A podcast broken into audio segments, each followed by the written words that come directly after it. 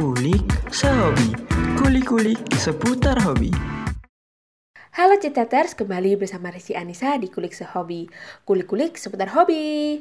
Dalam era pandemi seperti ini, tren memelihara ikan cupang kembali hits loh teman-teman. Selain karena bentuknya yang lucu, mungkin ada hal-hal yang lain yang membuat hobi memelihara ikan cupang kembali melejit. Kira-kira gimana ya yang lebih lengkapnya? Nah, akan kita bahas di podcast kali ini tentang hobi memelihara ikan cupang bersama dua narasumber kita, yaitu Aldo Nugroho dan Michael Buta Josifa. Untuk lebih akrabnya bisa dipanggil siapa nih? Aku Aldo. Kalau aku sih biasanya dipanggilnya Michael sih. Untuk membuka podcast kali ini, mungkin aku akan tanya-tanya yang dasar-dasar dulu aja. Untuk pemanasan dulu kan ya, pastinya. Untuk kalian berdua, sejak kapan sih memilih hobi melihara ikan cupang? Kalau aku sendiri mulai dari awal pandemi itu ya, awalnya cuma main-main ke toko ikan, terus ternyata dia jual ik jual ikan cupang dan ikan cupangnya bagus. Terus mulai dari situ aku penasaran sama yang namanya cupang. Nah, karena aku penasaran jadi searching-searching cari ikannya terus coba ngerawat dan ternyata seru juga. Kalau aku sih dari 2018 ya teman ada yang pelihara cupang dan dia sempat ngebreed ngebreed juga waktu itu terus uh, ibaratnya kayak dipingin-pinginin akunya. Jadinya aku kepengen terus waktu itu beli beli cowokan aja tuh mel aja tuh lima ekor terus makin ke sini makin ke sini jadi pengen nyoba ngembang biakin kan terus ya udah akhirnya ngembang biakin sampai sekarang Memang di pandemi ini bikin hobi-hobi yang dulu nggak terkenal jadi terkenal lagi. Salah satunya melihara ikan cupang ini. Untuk menambah pemahaman dari pendengar podcast kita mengenai dunia percupangan, mungkin bisa kasih tips gimana sih memelihara ikan cupang itu sendiri? Dimulai dari Kak Michael dulu nih, gimana tips memelihara ikan cupang itu sendiri? Kalau sebenarnya pelihara ikan cupang tuh gampang ya. Saya aja sendiri tuh ganti air tuh paling 3 sampai 4 hari kemudian tuh baru ganti air. Terus airnya juga ketapang dan garam ikan aja. Udah, pakannya juga gampang, nggak harus nggak harus pakan hidup, pakan pelet juga bisa. Tapi kalau saya sih lebih nyaraninya pakan hidup ya soalnya emang lebih sehat dari Kak Aldo? Ya itu aja sih sama kayak Mas Michael, cuman kan ya intinya yang udah dijelaskan sama Mas Michael tadi. Cuman kalau misalkan mau ekstra lagi, mau ikannya lebih sehat lagi, kalau bisa tahu kualitas air yang ada yang digunakan buat melihara itu adalah kualitas air yang bagus. Contohnya kayak kalau nggak mau ribet ya pakai galon isi ulang terus pakai garam ikan. Kalau misalkan kira-kira ikannya sakit dikasih obat kayak kan sekarang udah banyak tuh antaranya obat biru atau akrilavin yang warna kuning itu. Terus bisa juga pakai lokastop macam-macam lah pokoknya obatnya itu banyak. Terus kalau misalkan mau lebih biar ikannya tambah bagus lagi bisa menggunakan treatment-treatment kayak air daun ketapang terus dikasih aerator dijemur juga tiap pagi gitu aja sih. Cuman kalau misal basicnya tinggal ya cuma ikan ditaruh wadah kasih air udah gitu aja. Wah pembahasan kita tambah seru ya makin ke sini untuk ikan cupang sendiri pasti banyak jenisnya kan ya. Menurut kalian berdua nih, ikan cupang yang bagus dan mudah dipelihara itu jenisnya apa aja sih? Kalau menurutku yang paling kalau yang bagus itu relatif ya Mbak karena menurutku white platinum warna putih polos itu bagus belum tentu menurut mbaknya atau yang lain itu bagus juga belum tentu Mas Michael suka kan itu relatif jadi kalau bagus itu relatif. Cuman kalau untuk yang apa? Satunya bagus tadi. Mudah dipelihara. Oh, mudah dipelihara. Untuk mudah dipeliharanya emang sebenarnya semua mudah. Cuman kalau yang dimaksud mudah itu ikannya nggak kenapa-napa dalam artian semuanya bentuk siripnya kalau dibiarkan pun ya tetap gitu-gitu aja. nggak kena penyakit. Itu ya antaranya kalau nggak giant ya pelakat tapi sebenarnya kalau kalau uh, pelihara ya mau nggak mau harus sedikit ribet gitu loh. Maksudnya kayak kalau cuman ikannya didiemin doang dipak dikasih pakan tanpa diganti air dan dikasih treatment yang lain-lain ya uh, bakal lama kelamaan tetap sakit. Soalnya pal, uh, ikan itu habitatnya di air. Jadi kalau airnya kotor banyak bakteri dia juga uh, bakal gampang kena penyakit. Menurut kalian berdua hobi melihara ikan cupang sendiri mahal atau enggak sih sebenarnya?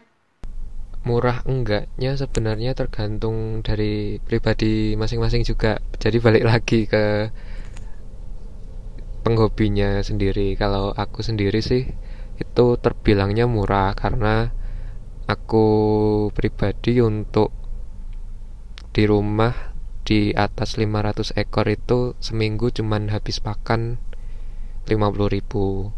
Dan itu udah termasuk sama biaya obat-obatan dan lain-lainnya lah.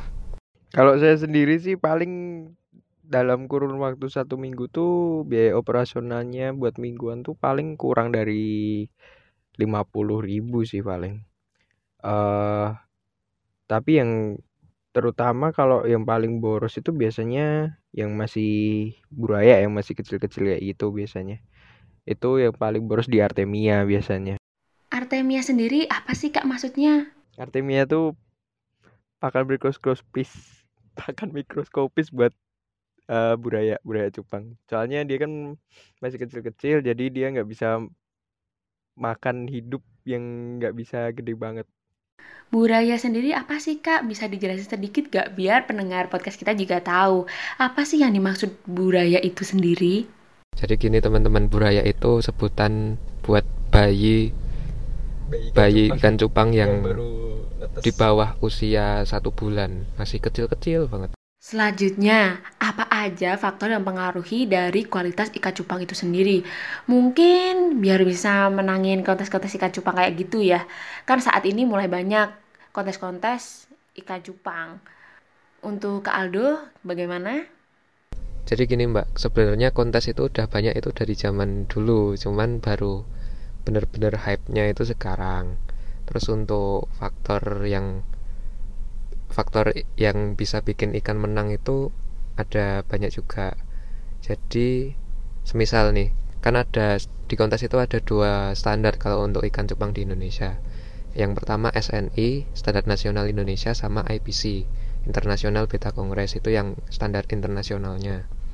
Untuk aku sendiri lebih sering ke kontesnya IPC jadi IPC itu lebih menilai warnanya daripada form. Form itu bentuk dari sirip, kesempurnaan sirip dan badannya ikan. Jadi kalau di IBC sendiri itu misalkan ambil deh warna like solid, like solid itu ada warna kuning, ada warna celo, ada warna uh, oranye terang. Ikan dengan satu warna. Ikan dengan satu warna, jadi solid color. Jadi misalkan ikan itu ada warna selain warna itu misalkan yellow solid jadi warna kuning warna kuning solid kuning gitu ya.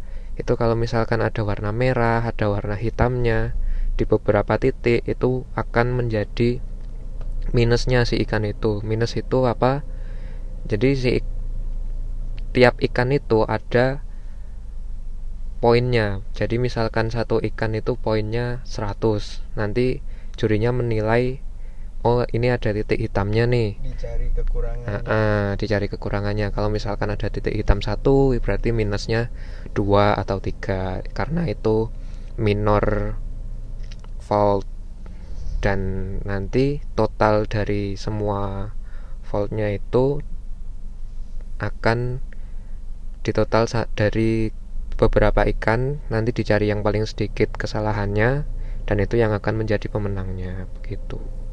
Mungkin Mas Michael mau nambahin? Kalau faktor mempengaruhi kualitas ikan cupang itu sebenarnya basicnya dari pemeliharaan juga ya. Jadi kalau seumpama uh, orang dari satu lubuan tuh satu lubuan itu biasanya kan Lubuan itu eh Lubukan itu tempat itu teman-teman, tempat buat mengembangbiakan ikan cupangnya. ya, yang dari telur terus dari budaya lah pokoknya jadi satu induan itu satu lubuan tuh.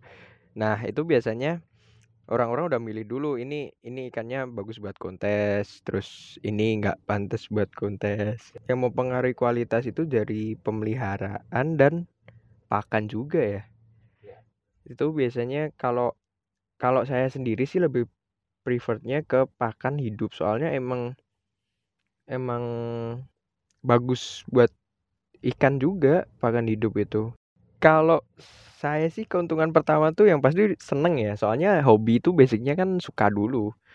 Eh kalau saya tuh lebih basicnya hobi, ya keuntungan pertamanya makanya suka. Keuntungan keduanya bisa ngembang biakin dan bisa dijadiin uang. Udah gitu aja sih. Untuk Kak Aldo, Kalau aku sih emang ya itu tadi yang dibilang Mas Michael karena hobi jadinya suka. Terus kalau misalkan ikut kontes terus menang itu ada kepuasan tersendiri lah dan harga jual ikannya jadi naik berkali-kali lipat gitu. untuk komunitas ikan cupang ada nggak sih Kak sebenarnya di daerah Solo atau di Indonesia? Atau mungkin di antara kalian berdua sudah ada yang ikut di salah satu komunitas ikan cupang? Bisa diceritakan sedikit bagaimana pengalamannya ikut di salah satu komunitas ikan cupang? Sebenarnya kalau ngomongin komunitas tuh sebenarnya banyak juga soalnya kebanyakan penghobi cupang itu eh jualannya tuh di grup Facebook. Di grup Facebook terus tapi banyak juga yang di Instagram dan sebagainya. Kalau ngomongin komunitas di Indonesia banyak. Komunitas di Solo tuh juga banyak juga sih sebenarnya. Eh kalau saya sendiri sebenarnya sekarang udah independen sih. Udah jalan sendiri, soalnya lebih enak jalan sendiri, jualan sendiri tanpa ada campur tangan orang lain, lebih enak. Nah, kalau saya pribadi dulu sempat ikut komunitas karena emang dulu komunitasnya itu ternyata ketuanya tipu-tipu. Saya sama Mas Michael ini keluar gitu. Jadi independen. Terus kalau jadi untuk komunitas sendiri mau dari Indonesia pun udah banyak.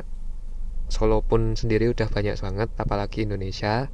Terus kalau mau ikut yang resmi internasional pun juga ada yang IBC tadi. Nah, nah, nah, ini juga pelajaran buat teman-teman juga sih. Kalau soalnya kan ikan cupang tuh sekarang lagi booming. Jadi banyak orang-orang yang orang-orang yang baru suka terus eh nyari teman-teman ibaratnya komunitas biar dia jadi satu kumpulan yang satu kumpulan yang hobinya sama kan. Teman-teman juga harus hati-hati dalam memilah dan memilih komunitas mana yang bener, mana yang enggak. Soalnya ya namanya lagi ngetren juga ya Mas Aldo ya. Nah, untuk komunitas ikan cupang sendiri, itu kebanyakan memang ada di online atau juga ada yang offline sih Kak sebenarnya. Istilahnya tuh bisa ketemu nemuin ikan cupang dari anggota-anggota komunitas ikan cupang itu. Oke, jadi kalau untuk yang seperti itu, kayak misalkan komunitas terus kumpul gitu, sebenarnya yo awalnya dari grup online dulu, terus mereka mungkin bikin grup WA, habis itu ngerencanain yang namanya pertemuan. Mungkin dari pertemuan itu mereka merencanakan sesuatu, mungkin ngerencanain awalnya latber atau latihan bareng. Nah, latihan bareng itu kayak mini kontes lah. Jadi buat pemain-pemain pemula yang belum tahu kon apa arena kontes itu seperti apa, bisa belajar di latber. Kalau di Solo sendiri tuh sebenarnya komunitasnya udah banyak juga ya kayak Pacul Geni, terus ada ICHS, banyak juga kok sebenarnya. Tidak terasa perbincangan kita membahas ikan cupang ini sudah cukup lama. Mungkin para pendengar kita juga ikutan tertarik nih memelihara ikan cupang, karena aku sendiri juga kepengen. nah, baik terima kasih untuk kedua narasumber kita, Kak Aldo dan Kak Michael sudah mau bergabung dengan kita. Sama-sama. Terima kasih udah diundang. Sampai jumpa di episode selanjutnya. Cicet Radio, ngobrol seru bareng kita.